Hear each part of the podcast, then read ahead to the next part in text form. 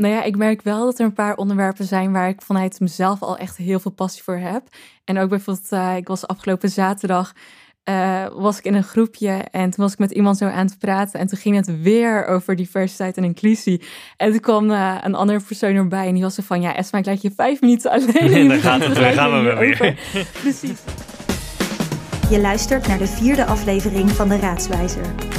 In deze podcast van ProDemos onderzoekt Marcel Bamberg hoe de lokale politiek werkt... hoe jij zelf politiek actief kunt worden... en delen deskundigen hun ervaringen. Je staat op de kandidatenlijst voor de verkiezingen en wilt natuurlijk zoveel mogelijk stemmen trekken. Hoe voer je een succesvolle campagne? Moet je nog steeds de straat op met flyers of is het Instagram-bericht al genoeg? Mijn naam is Marcel Bamberg. Naast mij zitten Esma Kendier en Justin Koorneef. Uh, Esma is uh, de lijsttrekker van Studenten en Starter, lokale partij in Utrecht. Opgericht in 2013, één zetel 2014, twee zetels in 2018 en wie weet in 2022. Uh, we gaan het hebben over hoe voer je nou uit het niks ineens een hele goede campagne. Wat doe je als lijsttrekker op lokaal niveau? alles over die campagne. Justin, online stratege bij campagnebureau BKB. Nou, campagnebureau zegt al genoeg. Heel veel verstand van campagne voeren. Uh, campagnes op het snijvlak van journalistiek, nieuwe media en com uh, communicatie uh, lees ik. En een helikopterview over hoe voeren politieke partijen op lokaal niveau nou campagne. Ja. De hoofdvraag van deze aflevering is hoe werkt campagne voeren op lokaal niveau? Daar gaan we zo naartoe. Maar ik wil eigenlijk bij jullie beginnen. Okay. Um, Esma, Weet je nog het moment dat jij dacht, ik word politiek actief? Ja, dat herinner ik me eigenlijk nog heel goed. Want uh, ik zat in groep 7 en ik zie ja, ik, vind, nou, kijken. ik zit gelijk te denken groep 7. Nou, toen zat ik met mijn hoofd ergens anders. Maar Ja. ga verder. En toen kwam er staatssecretaris langs bij ons op de basisschool. En toen eh, herinner ik me nog heel goed dat ik toen aan mijn juffrouw vroeg van... Hé, maar staatssecretaris, wat houdt dat nou eigenlijk in? En toen legde ze me dus uit wat die functie inhoudt. En toen dacht ik, dit is wat ik wil. Dit is zeg maar hoe mijn uh, ja, droombaan eruit ziet.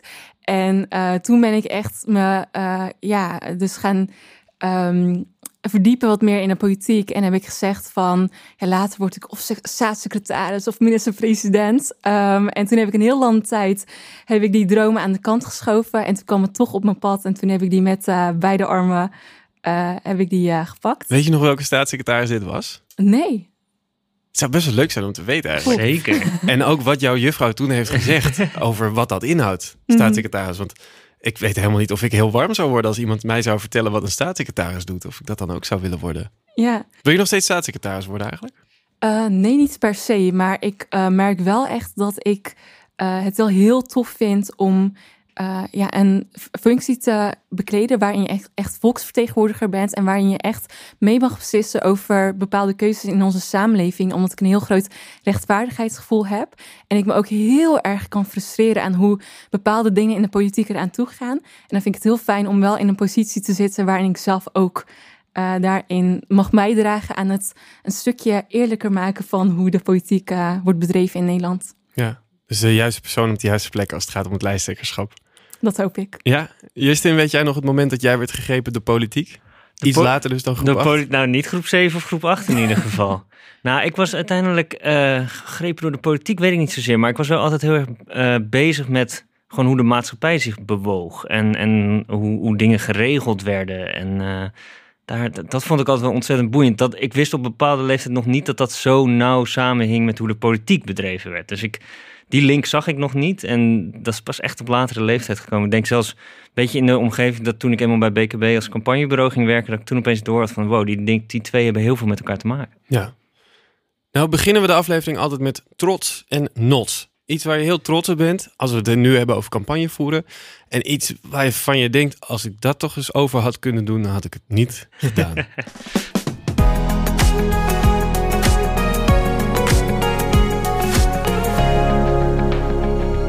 Mag ik bij jou beginnen eerst? Ja, nee, zeker. Ja, ik heb er toch, natuurlijk even over nagedacht. Maar uh, trots, ik heb ooit een hele mooie... Ik heb heel veel campagnes gedaan. De afgelopen tien jaar werk ik al bij een campagnebureau. Dus ik heb natuurlijk heel veel voorbeelden waar ik wel echt trots op ben.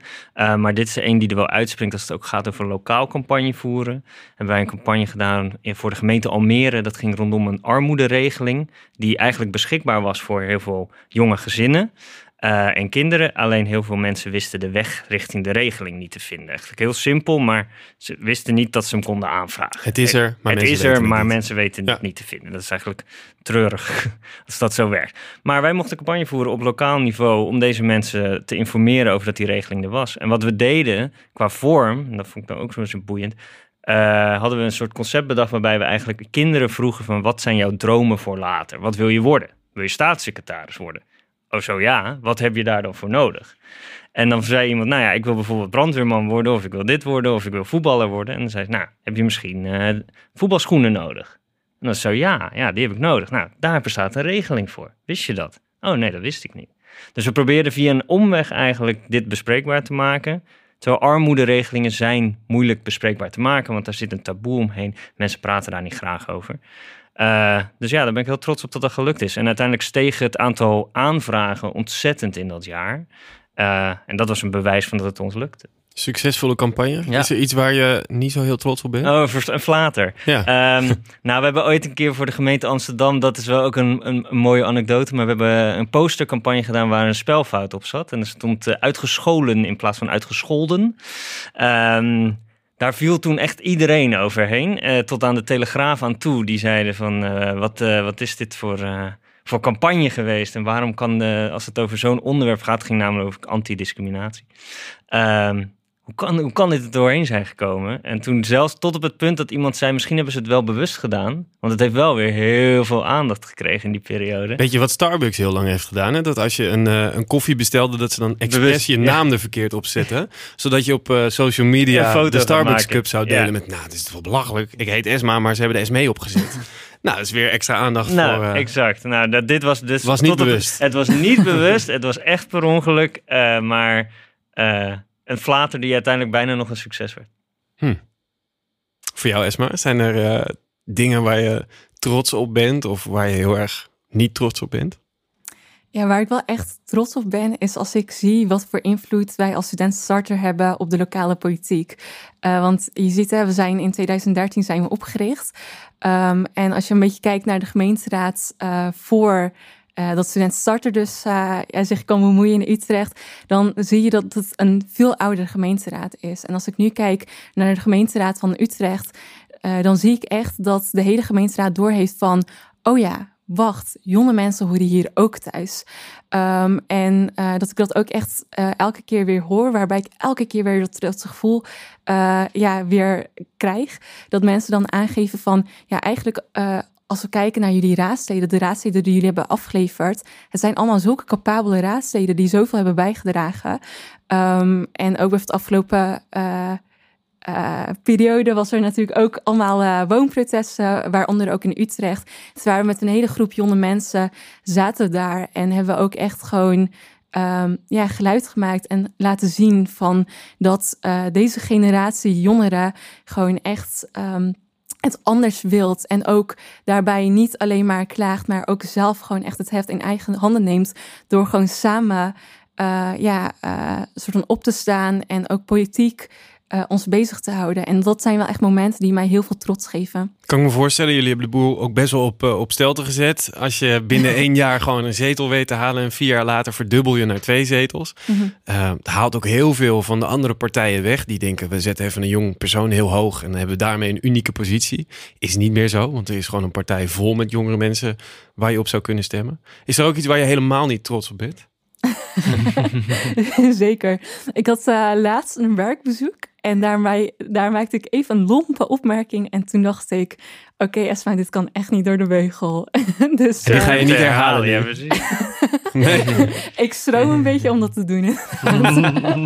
anders knippen we het weg. Ja, Mag ik gewoon zeggen. Ja, het ging om de subsidiëring van de organisatie. En het bleek zo te zijn dat ze dus helemaal geen subsidiëring hadden gehad. En dat ze echt Oh. met, zeg maar, de lokale mensen daar, eh, dat die allemaal hadden gedoneerd en ervoor hadden gezorgd dat ze die organisatie konden opzetten. Dus het was voor hen een heel gevoelig puntje, omdat ze gewoon echt trots waren, omdat ze met bloed, zweet en tranen die Oh, wow. organisatie hadden opgezet. En Ja. toen had ik zo van, ja, maar jullie hebben toch wel heel veel subsidiëring gekregen. maar dat bleek dus niet het geval te zijn. Oké, nooit meer aan denken. Nee, precies. Laten we dat achter ons laten. We gaan het hebben over campagne voeren. Ja. Allereerste vraag, waarom Waar, moeten we eigenlijk campagne voeren voor gemeenteraadsverkiezingen? Nou, uiteindelijk, eh, als je helemaal het afpelt, gaat het er gewoon om dat mensen je kennen. Dat mensen weten waar je voor staat. En dat mensen weten waarom ze in een, straks in een stemhokje met de potlood daar achter die naam dat kruisje zetten. En ik denk dat campagne voeren heel vaak ook nog wordt gedaan alsof het ook nog gaat over het grotere verhaal, et cetera. Maar uiteindelijk op basisniveau gaat het ook gewoon om dat mensen je kennen. En dat ze weten dat je meedoet. En dat ze weten dat, ze, dat jij ze kan vertegenwoordigen. Ehm, dus daar is campagne voeren al gewoon strikt noodzakelijk voor. En ook als je kijkt naar, wij zijn natuurlijk nu echt elke week zoveel uren kwijt om uh, namens onze kiezers dus um, ja, politiek te bedrijven binnen de gemeenteraad van Utrecht. En daarbij maken we elke keer weer belangrijke keuzes. Laatst hadden we weer dat een hele keuze moesten, dat we helemaal een debat aan het voeren waren over een nieuwe wijk die wordt opgericht in Utrecht. Nou ja, dat, dat is zoiets belangrijks. Um, of uh, ja, uh, op het moment dat er woningen worden gesloopt en daarvoor andere woningen worden gemaakt. Uh, dat zijn allemaal dingen die mensen wel gewoon op dagelijkse basis raken. En daarbij is het gewoon wel van belang dat je um, wel ervoor zorgt dat je die campagne voert, zodat mensen weten uh, waarom jij hen kan vertegenwoordigen. Want uiteindelijk gaan wij hen vertegenwoordigen. Um, en dan is het wel um, ja, mooi als de mensen, de achterban die hij vertegenwoordigt. En voor ons zijn dat vooral jonge Utrechters. Maar als je kijkt naar ons verkiezingsprogramma, uh, is er eigenlijk in ons verkiezingsprogramma wel uh, allerlei punten die elke Utrechter aanspreekt. Nou ja, dan is het wel belangrijk om uh, mensen dan bewust te maken van: hey, dit zijn wel jullie plannen die wij met alle liefde, met alle passie de komende vier jaar voor jullie willen vertegenwoordigen. Maar geef ons alsjeblieft dat vertrouwen. Is de campagne voor jullie eigenlijk al begonnen? Uh, Wanneer begint zo'n campagne? Laat me dat vragen. Ja, met de gemeenteraad is dat denk ik wel heel erg anders dan met landelijke politiek. Want je ziet met landelijke politiek, zie je dat mensen zich best wel hè, vroeg in het jaar bezighouden met, oh ja, er komen verkiezingen aan uh, en dit zijn de punten van verschillende partijen. Um, maar met de gemeenteraadsverkiezingen, uh, ook als ik het bijvoorbeeld heb met studiegenoten over dus mijn functie, dan hebben ze zoiets van, oh gemeenteraadsverkiezingen, wanneer is dat eigenlijk? Mensen die zijn zich er helemaal niet bewust van bewust dat we ja, binnen nooit zijn eigenlijk uh, die verkiezingen gaan voeren. Um, dus ik denk dat het vooral eigenlijk in die laatste paar weken is. Dus ja. halverwege maart is het natuurlijk uh, de verkiezingsdag. Um, en ik denk dat je pas in februari echt actief verkiezingen kan voeren. En dat vooral die laatste week, dat, dat je dan echt elke kans moet pakken. Omdat mensen pas eigenlijk dan zich bewust zijn van... oh ja, volgende week kan ik naar de stembus. Ja, ja. Dus jij staat op een eh, feestje, er staan allemaal mensen die op kandidatenlijsten staan. Mhm. Jij zegt, jongens, het is echt belangrijk hè, campagne, want uh, mensen moeten op jou gaan stemmen, moeten weten wanneer de verkiezingen zijn en je naam uh, herkennen op dat blaadje. Ja. Dan zeggen ze, oké, helder, wat moet ik doen? ja, precies. Wat moet ik doen? Nou, um, nou ja, wat, wat Esma net zegt over landelijk en, lokaal, dat vind ik wel belangrijk. Want, want landelijk is natuurlijk, je ziet dat landelijke politici hebben een bepaalde bekendheid. Dus die hoeven niet helemaal meer te werken aan, ik ben Sigrid Kaag of ik ben Mark Rutte. Dat je, VVD kan ook gewoon hun, direct over hun standpunten gaan praten. Terwijl lokale partijen zijn heel vaak totaal onbekend voor die potentiële stemmer. Dus jij moet ook maar ervoor zorgen dat uh, dat je in eerste instantie mensen weten, één, hoe je heet, voor welke partij je gaat uh, en waar op welke plek je staat. Dus dat, die basis moet je leggen. En ja, er zijn natuurlijk talloze methoden om campagne te voeren. Je kunt de straat op, je kunt uh, aanbellen, je kunt posters ophangen, je kunt online heel veel dingen doen. Maar je moet even goed van tevoren bedenken voordat je dat gaat doen, van op welk, via welke weg wil ik het bewandelen. En ga niet proberen alles te doen. Dat is een les uit ons campagnevoeren altijd. Focus aanbrengen in je campagneplan. Dat is strikt noodzakelijk. Want je kunt niet online en fysiek en langs de deuren, et cetera. Oké, dus uh, als antwoord op hoe moet ik dat dan doen? Mhm. Dat is voor iedereen anders. Ja. En denk er goed over na. Ja. ja, maar dat moet ook bij je passen, denk ik. Dus uiteindelijk, de lokale politie hebben dat helemaal. Denk ik. Heel veel nauw contact met je, met je potentiële stemmer. Dus je wil langs die deuren, je wil plekken zijn waar zij ook aanwezig zijn. Um, maar het moet ook wel op, in een vorm die, bij, die jou ligt. Kijk, als jij het prettig vindt om mensen aan te spreken op een groot plein, ja, doe dat vooral. Maar dat, ik neem aan dat dat niet voor elke politicus uh, is weggelegd. Dus je kunt ook nadenken van, ja, misschien ga ik wel een hele gerichte online campagne doen met uh, mooie filmpjes die mij goed liggen. En dan leg ik daardoor mijn standpunt goed uit. Ja, dus het klinkt eigenlijk heel logisch dat een partij die zich bijvoorbeeld heel erg ook op studenten richt, een hele andere campagne zal hebben dan een partij die zich met name op senioren richt. Exact, ja. En je ziet ook wel, dat, uh, dat, dat zie je in de afgelopen jaren ook wel, dat, dat studentenpartijen, die zijn natuurlijk ook in, in die groeien volgens mij best wel goed in Nederland. Maar die hebben ook het voordeel dat ze heel specifiek weten wie een doelgroep is, voor wie ze het doen. Ik denk dat ze ook wel aardig aanvoelen wat de vorm zou moeten zijn. Wat, wat spreekt mij aan? Dan spreekt het misschien iemand anders ook aan. Uh, dus dat is misschien een voordeel. Ja, ja. Waar kijken jullie naar als jullie een campagne voeren, Esma? Hebben jullie voorbeelden eh, hoe een. Ik heb heel lang bijvoorbeeld bij partijen als GroenLinks het idee gehad. Die kijken heel erg naar Amerika. Daar hebben bepaalde dingen gewerkt. Dan gaan wij dat ook heel erg doen. Hebben jullie voorbeelden? Ja, wij kijken eigenlijk vooral naar de lokale context. Dus wat wij vooral heel erg uh, belangrijk vinden wanneer we campagne voeren, is dat we echt in contact komen uh, met mensen in Utrecht, met uh, studentenverenigingen, met studieverenigingen, maar ook met horeca-ondernemers. En we proberen eigenlijk vooral te kijken van oké, in hoeverre kennen wij deze mensen, in hoeverre kennen zij ons? En dat is denk ik vooral waar wij ons op focussen. Um, omdat ja, juist, wij zijn een lokale uh, partij. Wij hebben geen landelijke partij. En dat is heel erg ook onze kracht. Uh, en daarbij is het vooral heel erg belangrijk. Uh, hè, Utrecht is een hele mooie stad. ook wel ja, een, heel, een stad met heel veel karakter. Um, en je moet denk ik vooral je daarop focussen in plaats van denk ik te veel ja, te kijken naar wat er bijvoorbeeld in Amerika gebeurt. Maar wat wel bijvoorbeeld zo is, ik was laatst had ik een training uh, van Stem op een Vrouw. Ik uh, neem deel aan het mentornetwerk van Stem op een Vrouw. En uh, daar kregen we dus ook ja, een training over campagne voeren. En daar gaven ze wel echt aan van, wat bijvoorbeeld echt een best practice was van de campagne van Barack Obama, was dat zij wel heel erg een soort van duidelijk een bepaalde strategie hadden.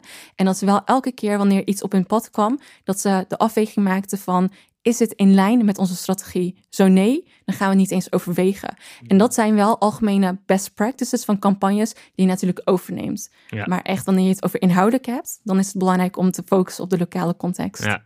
Nee, dit herken ik heel sterk. Ja. Stemmen voor vrouwen is ook toevallig vanuit BKB eh, deels ontstaan. En dat is wel die les van het campagne voeren, waarbij je zegt van ja, begin nou met die strategie voordat je de straat op gaat, zo zegt. Namelijk, een strategie is niet alleen hetgene wat je wel doet, maar is vooral ook wat je niet doet. Dus het is ook heel sterk, geeft het je een leidraad om te zeggen, nou oké, dit leidt af. Dit, ik ga niet over dit praten, want dit, is, dit past ons helemaal niet. Jullie gaan niet misschien bewust ervoor kiezen om niet over thema's als seniorenflats te praten. Omdat je denkt, ja, dat is niet echt helemaal één op één wat in onze strategie aansluit.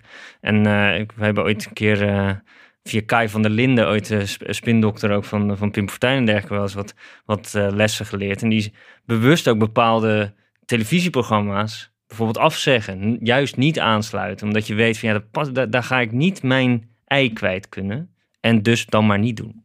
Terwijl je bent in campagnetijd best wel snel geneigd om alles wat ook maar enigszins bereik heeft te denken, nou, ik doe het maar. Want dan, dan weten mensen tenminste wie ik ben of iets dergelijks. Maar je moet toch wel van tevoren weten waar je op focust en wat niet. Zijn er gouden regels die voor iedereen die campagne gaat voeren op lokaal niveau voor die gemeenteraadsverkiezingen gelden? Want ik snap, in, in, in iedere partij gelden weer andere regeltjes en mhm. werken andere dingen. En als je je misschien net wat buiten de partijen probeert te zetten, is het logischer om niet mee te doen aan een circus waarin uh, bij een debat twaalf mensen komen om te praten over een hele kleine flat en de uitbreiding daarvan. Nee, ik ben, ik ben heel anders juist. Wij, gaan, wij gaan naar de mensen toe. Dus wij, wij, doen niet aan die debatjes en zo. Maar zijn er dingen die altijd gelden in een campagne? Nou, een, een andere les die wij wel sterk hebben als het gaat om campagne voeren. En voor de duidelijkheid, wij als campagnebureau doen eigenlijk geen politieke campagnes, maar wij kijken er heel veel naar, analyseren ze en gebruiken ze eigenlijk voor maatschappelijke doel, uh, doel, doeleinden. Alleen, een daarvan is je, je doelgroep samenstellen is cruciaal om dat van tevoren te doen. Dat kun je niet een soort van bijsturen tijdens je campagne, zo gezegd. Je moet echt van tevoren scherp hebben op wie gaan wij ons nou richten.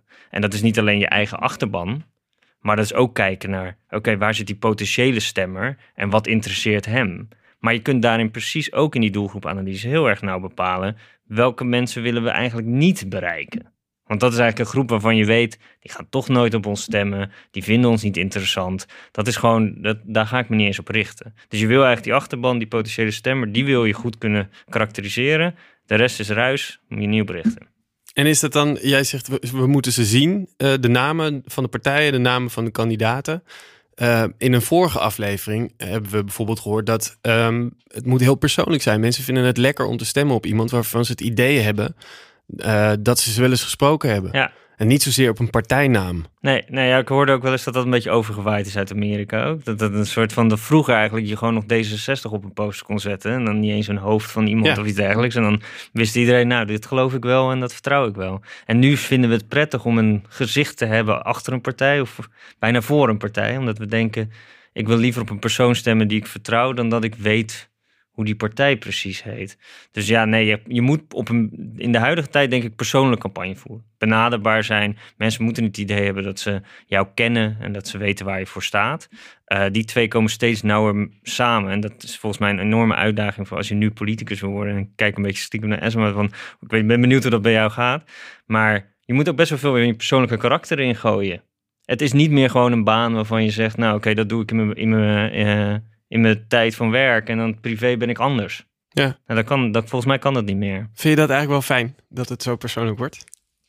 Eh, ja, eigenlijk wel. Want ik vind het sowieso wel heel erg eh, belangrijk dat. ehm, want ik ben nu net natuurlijk pas actief in de politiek. En ik ben nog heel erg aan het ontdekken van wat voor een politica ben ik eigenlijk en wat voor een politica wil ik zijn. Ja, want je, Ehm, bent net lijsttrekker geworden. Hè? Klopt, want ik ben dus eh, in eh, mei 2021 ben ik verkozen tot lijsttrekker. En toen ben ik ook gelijk aan de start gegaan als fractiemedewerker. Eh, maar daarvoor was ik dus niet politiek actief. Dus voor mij is het ook gewoon iets wat ik heel erg aan het leren ben. En eh, ik ben dus ook heel erg aan het ontdekken van hoe, hoe, hoe wil ik, wat voor stijl wil ik aannemen. En ik vind het wel heel erg belangrijk om daarin heel erg authentiek te zijn. Te kijken wat past echt bij mij. Omdat ik ook denk, ik heb dat persoonlijk zelf heel erg. Op het moment dat ik kijk van oké, op wie, wil ik stemmen, dan wil ik ook echt wel het vertrouwen hebben in diegene. En dan wil ik wel het idee hebben van oké, die persoon die kan echt mij eh, goed vertegenwoordigen. Ehm, en ik vind het ook daarin heel erg belangrijk dat ik datzelfde gevoel van die toegankelijkheid, dat vertrouwen ook kan geven aan mensen die op mij gaan stemmen. En ik merk ook dat dat wel heel erg ook aanstaat staat bij mensen. Ik had bijvoorbeeld laatst eh, was ik eh, bij het eh, woonverzet in eh, Den Haag. Eh, ik ben vaak op protesten en zo, dus vandaar de referenties. Maar ik was De helft van de tijd ben je heel boos. ben je daar en nu ben je hier. Precies.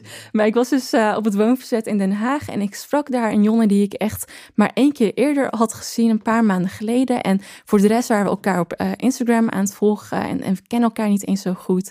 Eh, maar hij vertelde dus aan mij dat hij eh, zijn hele familie in Utrecht aan het eh, overtuigen was om op mij te stemmen in maart. En dat ik echt dacht van, oh, dat is echt zo bijzonder. Maar ik denk dat dat echt wel heel erg komt omdat ik ook op eh, ja, zulke momenten dat ik iemand spreek, maar ook op social media wel heel erg mezelf probeer te zijn. En daarin ook echt mezelf. Dus niet alleen Esma die hè, goed is en successen behaalt en zulke dingen, maar ook de Esma die af en toe struggelt en eh, terwijl ze dan bezig is in de gemeenteraad ook onzekerheden heeft en zulke dingen. En ik probeer dat te laten zien aan mensen. En dan merk je dat mensen wel zoiets hebben van, oké, she's real. En dat gevoel, Ja. ehm, dat staat denk ik wel aan. En is dat ook een strategie die vanuit de partij zo is besloten? Of nog wordt besloten? Ik weet niet hoe ver eh, je als partij daar ook al in bent, zeg maar. Nou ja, wat eh, wij wel echt heel erg hebben, is dat we wel. ehm, kijk, uiteindelijk hebben wij als partij gezegd van wat wij vooral belangrijk vinden, is dat wij een bepaald perspectief meenemen in de gemeenteraad. Een perspectief van jonge mensen die in zo'n specifieke levensfase zitten, dat als je eenmaal daaruit bent, dan ja, dat, dat, dat is dan heel moeilijk om weer een soort van te rela- relaten daarmee. Ja. Ehm, dus dat perspectief willen wij meebrengen. En Mhm. dat, dat is ehm, iets dat wij heel erg omarmen. En daarmee eh, proberen wij wel altijd ja, eh, een soort van heel low-key te zijn. Heel erg in contact te zijn met eh, ja, mensen hier en zo. En dat we, ehm, ook als je kijkt naar toen wij net waren opgericht, dat we zijn opgericht doordat een groep studenten eh, op een zolderkamer een keer dachten van, oh wacht, dit moet anders. Er moet meer eh, geleid komen vanuit jonge mensen in de politiek. En toen hebben zij vanuit een bepaalde visie hebben zij gedacht van wij gaan zo'n partij oprichten. Nou, dat is natuurlijk niet makkelijk om vanuit niks een partij op te richten en dan gelijk in één keer ook een zetel te behalen. Um, maar dat is wel gelukt en ik denk dat dat heel erg kwam doordat de mensen van toen heel erg in contact waren met ja, eh, allerlei Ja. Utrechters en hebben gewoon hebben laten zien van wij hebben een visie.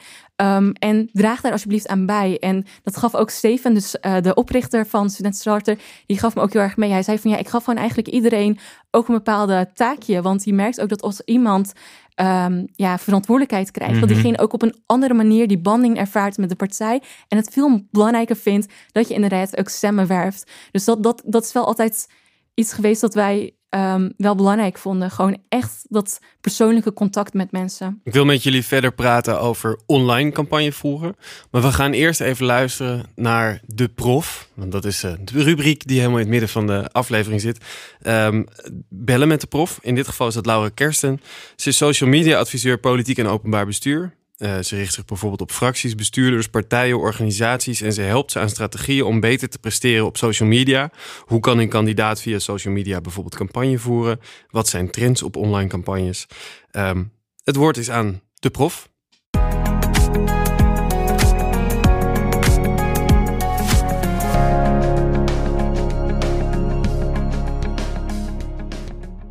De gemeenteraadsverkiezingen komen eraan. En met de coronapandemie die nog steeds door het land raast, is de kans groot dat jouw online campagne, net als tijdens de vorige verkiezingen, ontzettend belangrijk gaat worden en belangrijk blijft. Ik ben Laura Kersten en met mijn bedrijf Kleur op de Wangen help ik politici en bestuurders met zichzelf profileren op social media, waardoor zij meer interactie hebben met hun doelgroep en zo hun social kanalen echt kunnen inzetten voor hun politieke werk en campagne. Politieke partijen hebben doorgaans medewerkers die, zich dag in, dag uit bezighouden met online campagne voeren.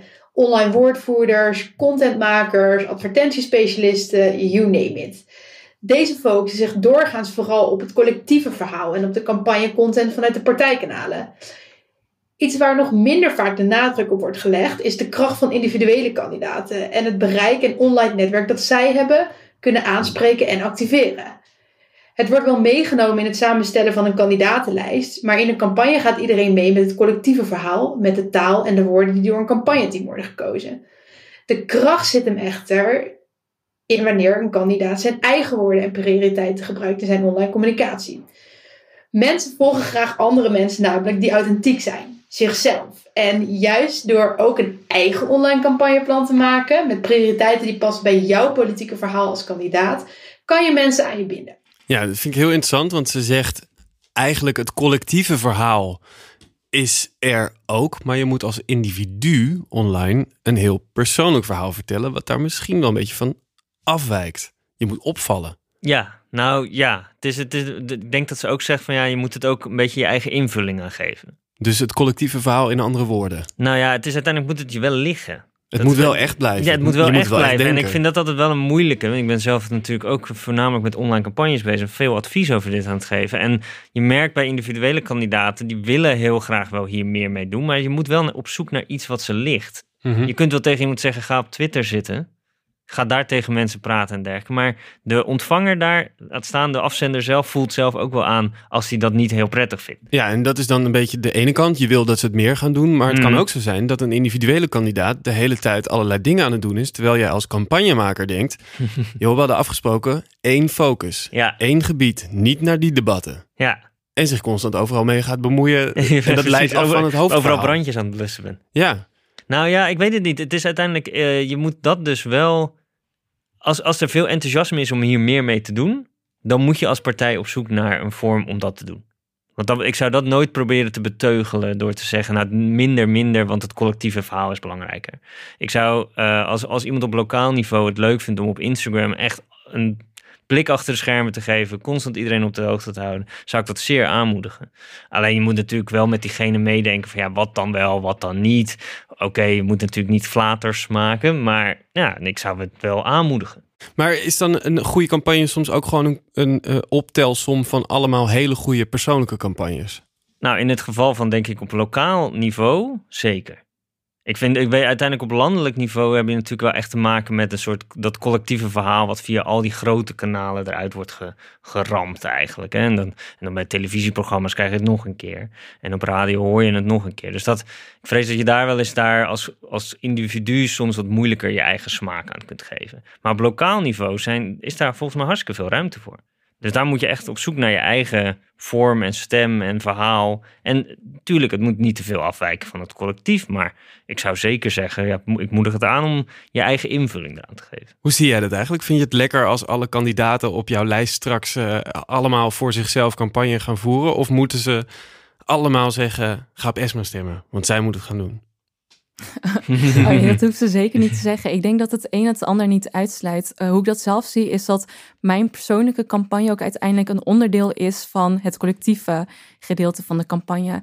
Dus ik ben een persoon van Studentenstarter die de punten van Studentenstarter probeert uit te voeren binnen de gemeenteraad. En ik neem vooral op Instagram neem ik mensen daarin mee, hoe ik daarmee aan de slag ga. En of ik neem ze mee in hoe mijn week eruit ziet. Dat ik op maandagochtend een fractievergadering heb en dat ik dan met de rest van mijn fractie zit. Ik neem ze mee op het moment dat we een evenement samen hebben. Ehm, en um, dan zien mensen het heel erg vanuit mijn ogen, maar uiteindelijk zien ze wel de partij. En um, ik denk dat dat vooral hetgene is uh, wat je doet in je persoonlijke campagne. Dus jouw online campagne is best wel een belangrijk onderdeel van die hele campagne. En ook jouw persoonlijke ervaringen. Uh, hoe, hoe is die vergadering? Vind ik het leuk? Ben ik moe? De scheiding tussen persoonlijk en zakelijk wordt dan wel heel dun. Um, ik weet niet of dat per se het geval is. Want ik uh, heb ook bijvoorbeeld dat ik dan uh, bij een debat uh, dat ik daar even een foto van stuur. En dat ik, of een foto van post. Ik had laatst bijvoorbeeld een foto gepost van uh, het is kwart over twaalf in de nacht en uh, we zijn nog steeds mhm. bezig met debatteren. nou, dat is natuurlijk iets heel erg persoonlijks. Maar ehm, meestal zet ik erbij ook van debatteren hierover. En dit is hetgeen wat wij vanuit Studenten Starter inbrengen tijdens het debat. dus het is vooral eigenlijk beide. Maar op het moment dat je het alleen maar te persoonlijk doet, dan heb je inderdaad helemaal geen idee meer wat, wat je inhoudelijk meebrengt. Terwijl op het moment dat je het alleen maar inhoudelijk doet, nou ja, dan kan je net goed gewoon een beetje een bedrijfsaccount starten. Uh, want dat, dat, dat ja. ik zou dat ook niet nee, precies. En dit is denk ik, Esma, wat Esma zegt, klopt precies. Ik denk dat je op zoek moet naar een mix die zowel persoonlijk is als inhoudelijk. Dus uiteindelijk wil je niet een politicus volgen om alleen maar foto's te zien hoe die in zijn vrije tijd het strand overloopt en hoe die aan het mountainbiken is en aan dat soort dingen. Uh, aan de andere kant wil je ook niet alleen maar foto's van debatten waarbij het idee van, oh ja, wel, daar gaan we weer. Dus je moet op zoek naar een mix. Wij bij online campagnes maken vaak ook op dit vlak een strategie. Ga je ook van tevoren een beetje bedenken, ja, wat, wat gaat die mix zijn? Wat wil ik wel van mezelf laten zien, wat niet? Misschien heb je toch wel bepaalde dingen waarvan je zegt, nou, dat is zo privé. Dat hoeft niet op mijn kanalen te komen. Daar ga ik ook geen campagne mee voeren. Dat wil ik gewoon niet. Uh, zoals politici bijvoorbeeld hun kinderen niet heel vaak in beeld brengen. Omdat ze gewoon denken van ja, dat doet er niet toe. Maar ik vind wel goed, en dat is denk ik ook dat authentieke waar we het net over hadden een politicus, je moet het idee hebben van dat, je, dat diegene ook een beetje zoals jij is. Dus je moet toch een beetje het gevoel krijgen, oh jij loopt ook over stranden op zondagmiddag. Oké, nou fijn, dat doe ik ook. En dat, en dat schuurt dan niet dat dat een, strategie, een strategieonderdeel is. Want je wil persoonlijk van, oh, dit heb ik nu bedacht. Ja, ik denk wel dat als je... Maar je hebt gewoon opgeschreven, één keer per week moet er iets persoonlijks. nou, op, lokaal niveau kan ik me voorstellen dat je zelf ook nog je eigen kanalen beheert. Dus dat je letterlijk het eh, tekstje nog zelf plaatst, zo gezegd. En dat je de foto nog zo uitknipt dat je denkt, nou, zo sta ik er wel goed op. Maar als je op een gegeven moment medewerkers gaat krijgen... en die gaan je adviseren en die gaan je kopie voor je schrijven en dergelijke... dan is het risico best snel dat het persoonlijke eraf gaat. Want dan, dan daar kijkt toch, uh, ik denk dat de stemmer toch redelijk snel doorheeft, is dit geschreven door een medewerker of is dit de politicus zelf? Ja, en daarbij is het denk ik heel erg belangrijk ook om onderscheid te maken van wat het doel is. Want inderdaad, als het doel is om campagne te voeren, ik denk dat je dat als kijker ook doorhebt. Mijn doel, wanneer ik dingen op Instagram plaats, is het is vooral eigenlijk um, de politiek toegankelijker maken, mensen meenemen in mijn week. Um, en niet per se meer stemmers werven. Omdat ik zoiets heb van, dat is iets wat wij doen via de social media kanalen uh, van Studenten Starter. En dat is wat ik doe op het moment dat ik zeg maar op straat aan het flyeren ben.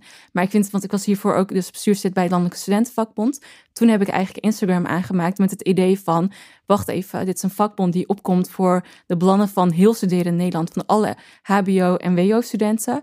Um, maar was klaar met mijn bachelor en toen pas hoorde ik over het bestaan van deze vakbond. Terwijl er wel gewoon heel veel situaties zijn waarin we meer ook op kunnen komen voor onze rechten. Um, en dat ik daarbij uh, wel zoiets had van, ik vind het wel heel erg belangrijk dat ik mensen meeneem in het werk dat ik doe, omdat we als vakbond enorm veel doen voor studeren in Nederland. Maar dat zien mensen niet. Uh, en daarbij is het ook nog zo dat ik heb zelf ehm, een migratieachtergrond. Ehm, dus ik ben wel van een ja, minderheidsgroep in Nederland. Uh, en ik ben zelf ook opgegroeid met weinig rolmodellen in mijn leven. Eigenlijk helemaal geen rolmodel. Omdat als ik naar mensen keek die op bepaalde posities zaten, kon ik mezelf niet herkennen. Um, en uh, daar, dus ik dacht ook van ja, op het moment dat ik mensen meeneem in Mhm. mijn werk bij bijvoorbeeld de LCB of bijvoorbeeld bij Student Starter, dan kan ik wel laten zien van hé, hey, ik doe dit, dus jij kunt dit ook doen. Dat mensen uh, representatie voelen en dat uh, hè, mensen die wellicht kampen met um, ja, kansongelijkheid, dat ze 3-0 achter zijn uh, begonnen, met achtersprong zijn begonnen in het leven, dat die dan kunnen denken van oh ja, wacht, dit is ook iets um, wat voor mij uh, is weggelegd. En dat is bijvoorbeeld ook mijn intentie wanneer ik dingen post op social media. En ik denk dat dat heel erg wel te voelen is. En doordat mensen voelen van oké, okay, Esma, die plaatst dingen echt omdat ze dit wil delen met ons, Mm. uh, dat dat daarom ook aanslaat. Ja, ja, dat is een mooi onderscheid. Hè? Dat je dus van tevoren ook eigenlijk bepaalt van ja, als ik dit plaats, heeft, heeft het een doel. Dat is namelijk dit. Maar het is bij, bij, jullie niet altijd het doel om altijd maar naar die stemmen en naar dat programma en altijd maar weer die inhoud. Het is soms ook gewoon representatie. Mm -hmm. Kijk, en meer hoeft het niet te zijn. Dat is heel goed. We gaan nog even terug naar uh, Laura, Laura Kersten, want die heeft nog een paar tips die je kunt plakken op uh, je lokale campagne. De eerste. Baken voor jezelf af op welke thema's, onderwerpen en problematiek jij jezelf tijdens de campagne in de markt wil zetten. Kies er ongeveer 3 à 4. Denk daarbij bijvoorbeeld aan welke onderwerpen je het meest aan het hart gaan. Of bij welke onderwerpen je een persoonlijk verhaal hebt wat de drijfveer is waarvoor je je verkiesbaar stelt. Door dit te doen en hier in je online campagne en content op te richten, maak je jezelf herkenbaar voor je doelgroep en volgers en zorg je ervoor dat mensen deze thema's aan jou gaan koppelen. De tweede tip is: kies een aantal platforms waar je actief op gaat zijn. Je hoeft niet overal te zijn, maar er zijn wel ontzettend veel keuzes. Instagram, TikTok, Twitter, Facebook. Nou, en zo kan ik nog wel even doorgaan. Hoe kies je nou die platforms waar je actief op gaat zijn? Ik adviseer je om een keuze te maken, want je kan gewoonweg niet overal zijn. Ik zou mijn keuze baseren op twee overwegingen. Allereerst, waar voel je jezelf het meest thuis en waar kan jij het beste je ei kwijt? Authenticiteit is ontzettend belangrijk. Als de rillingen al over je rug lopen bij het idee van TikTok, laat het dan vooral voor wat het is. De tweede overweging die ik je mee wil geven, waar zit je netwerk en je doelgroep? En dit gaat verder dan alleen maar ik wil jongeren bereiken, dus ik ga op Instagram. Maar kijk ook eens waar je eigen netwerk zit en waar organisaties zitten die zich met dezelfde onderwerpen bezighouden als jij. De derde en de laatste tip die ik voor je heb is ga zelf de boer op. Wacht niet af tot er mensen online naar jou toe komen, maar laat je ook zien in de gesprekken die onder andere hun content plaatsvinden. Door te reageren op andere social media posts, posts van anderen te delen en iemand eens een keer een privébericht te sturen, werk je ook aan je online zichtbaarheid. Dus wacht niet af, maar besteed eens een kwartiertje per dag aan het praten met anderen online en toon interesse en heb gesprekken waar je vervolgens weer van leert. Want alle informatie die je over je doelgroep leert, kan je weer gebruiken in je campagne. Helder. Dus kies drie of vier thema's, ga op een platform zitten en ga op anderen reageren. Ja. Heb je dat allemaal gedaan? Um, op, welke, op welke platform zit jij bijvoorbeeld allemaal? Ik zit vooral eigenlijk op Instagram uh, en ik plaats ook wel zo nu en dan wat op Twitter. Um, maar TikTok, LinkedIn, Facebook, uh, dat allemaal nog niet. Dus heb je een hele bewuste keuze ingemaakt? Nee, niet een heel bewuste keuze eigenlijk. Instagram zat dus echt in mijn systeem, omdat ik daarbij dus wel dacht van oké, okay, dat is wel echt uh, iets wat een heel ja, eigenlijk was Instagram dus wel bewust. Dus dat ik echt dacht van, daar kan je heel veel stories plaatsen. Mensen bekijken ook heel veel stories. Dus daarbij kon ik wel echt mijn uh, week wat meer uh, ja. laten zien aan mensen.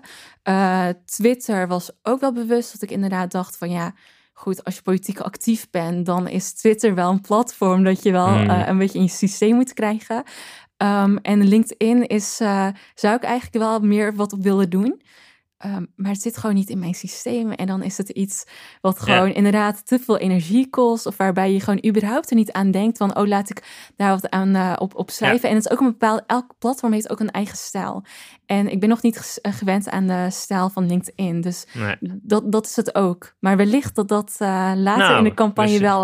Maar ja, je hoort het wel in die tips terug, hè? Dat die focus die je moet aanbrengen. En dingen doen die je wel liggen die wat natuurlijker afgaan, dan, dan merkt de, de, ontvanger dat ook. Maar het is voor jezelf ook prettig, want dan kost het niet zoveel energie ook. En dan wordt het meer een tweede natuur, waarbij je gewoon mensen op de hoogte houdt van de dingen die je aan het doen bent, zonder dat het echt voelt als werk. Waarbij je moet denken, oh nee, moet ik nu nog mensen oproepen om te gaan stemmen? Of moeten ze nog dit doen of dat doen? Nee, gewoon, dat sociale media is niet voor niks sociale media. Dat sociale deel is zo belangrijk dat mensen gewoon het idee hebben van we zijn ook gewoon uh, op een sociale manier met elkaar bezig. Hebben jullie voorbeelden van mensen die dit heel goed aanpakken? Mag internationaal zijn, mag nationaal zijn, mag lokaal zijn? Uh, ik heb er wel een paar. Uh, ik vind op, op, op landelijk niveau vind ik Peter Quint, uh, Tweede Kamerlid SP. Ken ik toevallig een beetje persoonlijk, maar ik vind hem hij heeft sinds dat hij eigenlijk in de Kamer zit, is hij niet veranderd in de manier waarop hij communiceert over zijn hobby's en over de dingen die hem. Hij is groot Feyenoord-fan, hij is groot metal-punk-fan. Kan hij dus, ook niks aan doen? Daar kan hij ook niks aan doen. Sommige mensen hebben dat nou eenmaal. Maar daar praat hij veel over. En hij is daar ook niet mee gestopt. Terwijl ik, je kunt je voorstellen, nou, je, je wordt Kamerlid, ja, dat je dat leidt af van de boodschap. Nee, hij blijft dat ook gewoon doen. En ik vind dat, ik waardeer dat zeer. En in Amerika bijvoorbeeld EOC, die echt volgens mij, Alexander Ocasio-Cortez, congreslid, die Instagram heel goed gebruikt om een soort echt kijkje achter de schermen te geven van iets wat normaal mensen nooit zagen. Terwijl zij laat gewoon zien, dit is wat ik aan het doen ben. Dit is het werk. Dit, dit moet ik lezen. En dan, Maakt dan je ook kwetsbaar, hè? Want, want als je dan een keertje niet je mond opentrekt over het eerste, het beste wat voorbij komt, dan zegt dat ook heel wat. Ja, ja. Nee, ja het is eenmaal uh, actief worden, is toch wel vaak, ja, dan, dan moet je er ook aan. In de zin van, dan moet je mee. Uh, je kunt niet zeggen, nou, dan ga ik me toch alleen nog maar richten daarop en dan ga ik me niet, uh, dat, dat doet me niks of iets dergelijks. Dus het is wel een extra onderdeel geworden van het takenpakket van een politicus. Nou, dan ga er maar aan staan, denk ik wel eens. Laura zegt, je moet drie, vier onderwerpen kiezen. Daar mag je niet van afwijken. Je moet echt aan die drie onderwerpen moet je elke week tijd besteden. En aan de andere, andere liever niet. Is dat iets wat je heel makkelijk vindt? Uh, nou ja, ik merk wel dat er een paar onderwerpen zijn waar ik vanuit mezelf al echt heel veel passie voor heb. En ook bijvoorbeeld, uh, ik was afgelopen zaterdag uh, was ik in een groepje en toen was ik met iemand zo aan het praten. En toen ging het weer over diversiteit en inclusie. En toen kwam uh, een andere persoon erbij en die was zo van... Ja, Esma, ik laat je vijf minuten alleen. En dan gaat het gaan we weer. Precies, dus ik denk dat ik uh, sowieso wel echt vanuit nature wel echt bepaalde thema's... Um, ja, heel erg belangrijk vind. Zoals diversiteit en inclusie, onderwijs, wonen... Um, maar ook mentale welzijn. En dat wonen, mentale welzijn dat zijn wel ook echt uh, belangrijke speerpunten vanuit Student Starter. Dus dan merk je ook wel dat dat op zich wel te doen is om gewoon je te focussen op bepaalde thema's. Hmm. Ik had nog wel een vraag over wanneer de campagne start. Uh, bij sommige partijen heb je het idee, drie dagen van tevoren uh, gaan er wat mensen de straat op, leven, geven wat flyers. En die, die varen een beetje op wat er landelijk gebeurt en dat komt wel goed. Mm Sommige partijen spreken van een permanente campagne. Daar begint de campagne de dag na de verkiezingen. Ja. Gaan ze vier jaar lang elke dag in de raad gaan ze campagne voeren. Wanneer hebben jullie het idee dat de gemeente het over naar Esma, want ja, het is haar. Uh... Ik heb wel ideeën hierover, maar ik ben benieuwd. Ja, je merkt eigenlijk wel dat nog voor uh, eigenlijk de zomer, of eigenlijk gelijk na dat de landelijke verkiezingen zijn geweest, dat, dat je, dan merk je wel in de gemeenteraad soort van een omslagpunt van, oh ja, onze verkiezingen komen er ook aan. Wij dus zijn aan de beurt. Uh, ja, precies. dus ik was toen ook heel veel debatten aan het uh, meekijken. Uh, en ja, je merkt gewoon dat soms mensen gewoon vooral heel erg inderdaad bezig zijn wat meer met de campagne dan met de inhoud. en dat ze vooral echt ja, al dan politieke punten willen scoren. Oh, ja, ja. dus echt in de raad zelf merk je dat al, ja, denk ik zeker een paar maanden van tevoren. maar ik denk op straat, qua campagne voeren, dat dat echt dus uh, pas een paar weken voor de verkiezing is. Dus dat is ook wel grappig, dat uh, het soort van de politieke koers wel veel eerder verandert uh, dan hoe je dat als ja, gewoon burger op straat. maar merk je dat dan bijvoorbeeld aan dat ze ineens hele andere moties of heel ander stemgedrag gaan vertonen? Um, Nou ja, je merkt het vooral aan hoe bijvoorbeeld spreekteksten worden ingestoken. Dat bijvoorbeeld echt debatten die duren ook veel langer. Uh, omdat men, iedereen wel eigenlijk een beetje aan het kijken is van... oké, wat wil ik nog van mijn verkiezingsprogramma erin fietsen? Um, en dat je daarin heel erg soort van elke keer weer heel erg het karakter van elke partij voorbij zien, ziet komen. En dat komt niet altijd het debat ten goede, want je wilt ook gewoon een beetje efficiënt, effectief met elkaar uh, vergaderen over een bepaald onderwerp. Um, dus ja, daar merk je het een beetje aan. Uh, maar ook inderdaad in bepaald stemgedrag. Ja.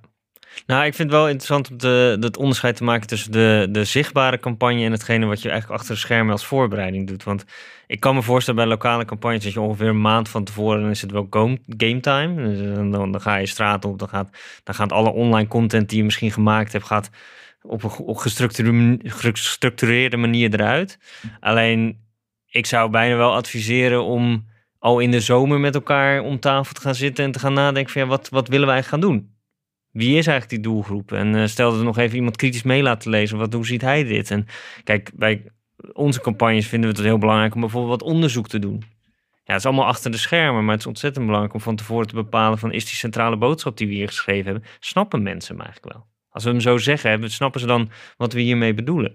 Ja, als je dat onderzoek niet gedaan hebt, uh, ja, dan ga je het gewoon maar proberen. Dat, ja, dat vind ik tricky. Dus je, dan doe, doe je werk goed van tevoren. Dan lijkt het alsof je maar een maand campagne aan het voeren bent, maar dan ben je het eigenlijk permanent aan het doen. We gaan een beetje naar de afronding. Wat is jullie belangrijkste tip?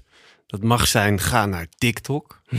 dat mag zijn, uh, bewaar je geld voor de laatste week. Want dan, dan moet je zichtbaar zijn en niet uh, drie maanden van tevoren. Ja, ik, heb, nou, ik zat hierover na te denken dat ik denk als het gaat om lokale uh, campagnes zou ik heel erg proberen, één, die doelgroep heel goed af te bakenen. Ik denk dat dat lokaal beter kan eigenlijk dan landelijk. Want landelijk, ja, dat zit overal door het hele land heen. Ja, dan probeer maar in gedeelde interesses of gedeelde thema's te vinden. Ik denk dat je op lokaal niveau veel beter kunt afbakenen. Van ja, ze wonen ongeveer daar. Dat is ongeveer de groep die ik wil bereiken.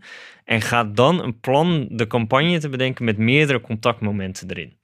En dat betekent dus dat je misschien in eerste instantie ergens in januari al een flyer in de bus hebt liggen. Zo van ik doe mee. Meer hoeft niet, maar in ieder geval dat je dat contactmoment hebt gehad. Ga daarna drie weken later langs diezelfde deur om eens een keer aan te bellen. Ga drie weken later meedoen aan een debat waarvan je weet dat mensen er zijn. Mensen moeten je vaker zien. Om ze op een gegeven moment ga je een online campagne doen. Dan zien ze je weer langskomen. En dan op de dag zelf zullen mensen denken: oh ja, wie heb ik nou zo vaak langs zien komen? Ja, die. Je merkt het nu bijvoorbeeld bij Caroline van der Plas. Mm haar groot, haar, waarom haar campagne zo succesvol is, in ieder geval in de peilingen, dat, dat, zullen we ooit nog zien of dat landelijk ook doorspeelt, is haar zichtbaarheid. Ze is gewoon overal. Ja. De hele tijd. Dus ja, mensen weten soms niet eens precies waar ze voor staat, maar ze hebben in ieder geval wel duidelijk dat zij er is. Nou, dat is al een, uh, dat is een goede, goede zet. Gouden tip. Ga heel vaak bij Jinek zitten. Ja, precies. Nou, dan, als, je dat, als, dat, als je dat kan, dan zou ik het zeker doen, ja. Wat is jouw belangrijkste tip, Esma? Ja, ik sluit me wel heel erg aan uh, wat, bij wat Justin zegt. Dat inderdaad, uh, weet wie je doelgroep is. Zorg ervoor dat je gewoon goed in contact bent met je doelgroep. Um, en doe dat vooral ook op een authentieke wijze. Um, want ik denk dat uh, dat wel het, je grootste kracht kan zijn. Is, is lokale politiek grappig? Leuk? nou, ik vond het zelf... Uh, wij, wij, hebben ooit de beste raadslidverkiezing georganiseerd... waarbij wij meer aandacht wilden eigenlijk voor raadsleden. En dat gaan we komend jaar waarschijnlijk weer doen. Uh, omdat ik vind eigenlijk de lokale politiek... Daar, daar moet niet om gelachen worden eigenlijk. Ik vind dat een zeer serieuze taak binnen onze uh, Nederlandse politiek. En ja, als we een beetje gelacherig over gaan doen. Nee, ze, doen het op vaak in vrije tijd. Er wordt vaak niet geweldig betaald of dan dat soort zaken. Dus ik vind eigenlijk uh, petje af voor al die lokale politici die straks weer de straat op gaan. Het allemaal in een vrije tijd proberen dat flyertje in elkaar te zetten of dat filmpje te maken. Ja, en dan dan weet ik nu al, dan komt er straks weer zo'n item bij Jinek waarbij we grappige campagnefilmpjes van lokale politici gaan zien. Maar ik, ja, ik vind het eigenlijk zelf een beetje eh, denigrerend, vind ik dat. Nou, we ronden elke keer deze podcast af met de vraag, wat was het leukste wat je hebt meegemaakt oh, binnen, waar heb je heel hard om gelachen binnen lokale politiek? Maar ik moet eerlijk zeggen, het blijft nog een beetje netjes. Is het netjes, ja? Oh, oké. Nou. Er is weinig waar je heel hard om kan lachen. Okay. Ik heb ook niet echt zo hard gelachen dat ik dacht, ik heb nu echt ja, vier kom nog, je hebt nog vier jaar. maar ik zit er inderdaad ook niet uh, lang in. Maar sowieso, ja, wij zijn natuurlijk een heel uh, een partij met heel veel jonge mensen. Dus uh, binnen de partij wordt er heel veel gelachen. maar ik heb ook wel een keer gehad, of um, een paar keer gehad dat je dan in een debat zit. En inderdaad, het gaat er heel serieus aan toe. En het zijn hele lange debatten, uh, hele lange dagen die je maakt. Ehm, maar dat je dan ook wel echt heel erg merkt dat. Uh, juist misschien omdat het heel lokale politiek is, het is wat kleiner. Je bent natuurlijk in Utrecht zijn we maar met 45 personen natuurlijk. Terwijl je bij landelijk heb je 150 personen. Um, hey, je bent vaak ook gewoon ja, buren en zo van elkaar. Dus mm. het, het, het, het, is, je hebt ook wel wat uh, meer persoonlijk contact. Dus ook ja, in de wat heb je wel eens dat, dat je wel echt met elkaar ja. Ja, wel echt stuk kan gaan om een lompe actie oh, van iemand nee. of een graf. Of, nee, maar ik ben het helemaal met je eens dat natuurlijk lokale politiek ontzettend leuk is. Voor de duidelijkheid. Ik bedoel, alleen ik vind meer dat we er niet om kunnen lachen. Ja, ja de campagne, de, de campagnefilmpjes afzagen. Nou, dat, dat vind ik een beetje flauw ja. gewoon. Een budget van, joh, die doen dat allemaal ja. in, in, in vrije tijd en dergelijke. Maar als het gaat om binnen de lokale politiek, waarom het volgens mij zo leuk is, ja. is omdat het juist gaat over wezenlijke dingen waar iedereen mee bezig is. Ja. En landelijke politiek gaat heel vaak over die grote lijnen en over hoe doen we handel met China en dat soort zaken. Maar hier gaat het vaak gewoon over of dat zwembad mag blijven of niet. En dat raakt mensen wezenlijk in hun dagelijks leven. En daar moeten we, daar, daar deels moeten we niet te lacherig over doen. Maar aan de andere kant, het gaat over wezenlijke dingen waar we ook wel eens soms gewoon lol over hebben, toch? Dat, ja. Zeker. En als je dus uh, raadslid van het jaar wil worden, dan uh, moet ja, je ja, beste raadslid uh, moet je, moet je in de verkiezing, dat is een heel goed campagnemiddel hoor, als je dat wordt. Oké, okay, wie weet. Hou contact. ik zit niet in de jury voor de duidelijkheid, okay. dus ik, ik kan niks doen. Dank jullie wel, Esma en Justin. Geen probleem. Yes, jij ook bedankt. Jij ook bedankt. Leuk dat je luisterde naar de Raadswijzer. In de volgende aflevering krijg je antwoord op de vraag: hoe ziet het werk van een raadslid eruit? Abonneer je op de Raadswijzer in je favoriete podcast-app, zodat je geen aflevering hoeft te missen. De Raadswijzer is een productie van ProDemos, Huis voor Democratie en Rechtsstaat. Voor meer informatie kun je terecht op www.prodemos.nl.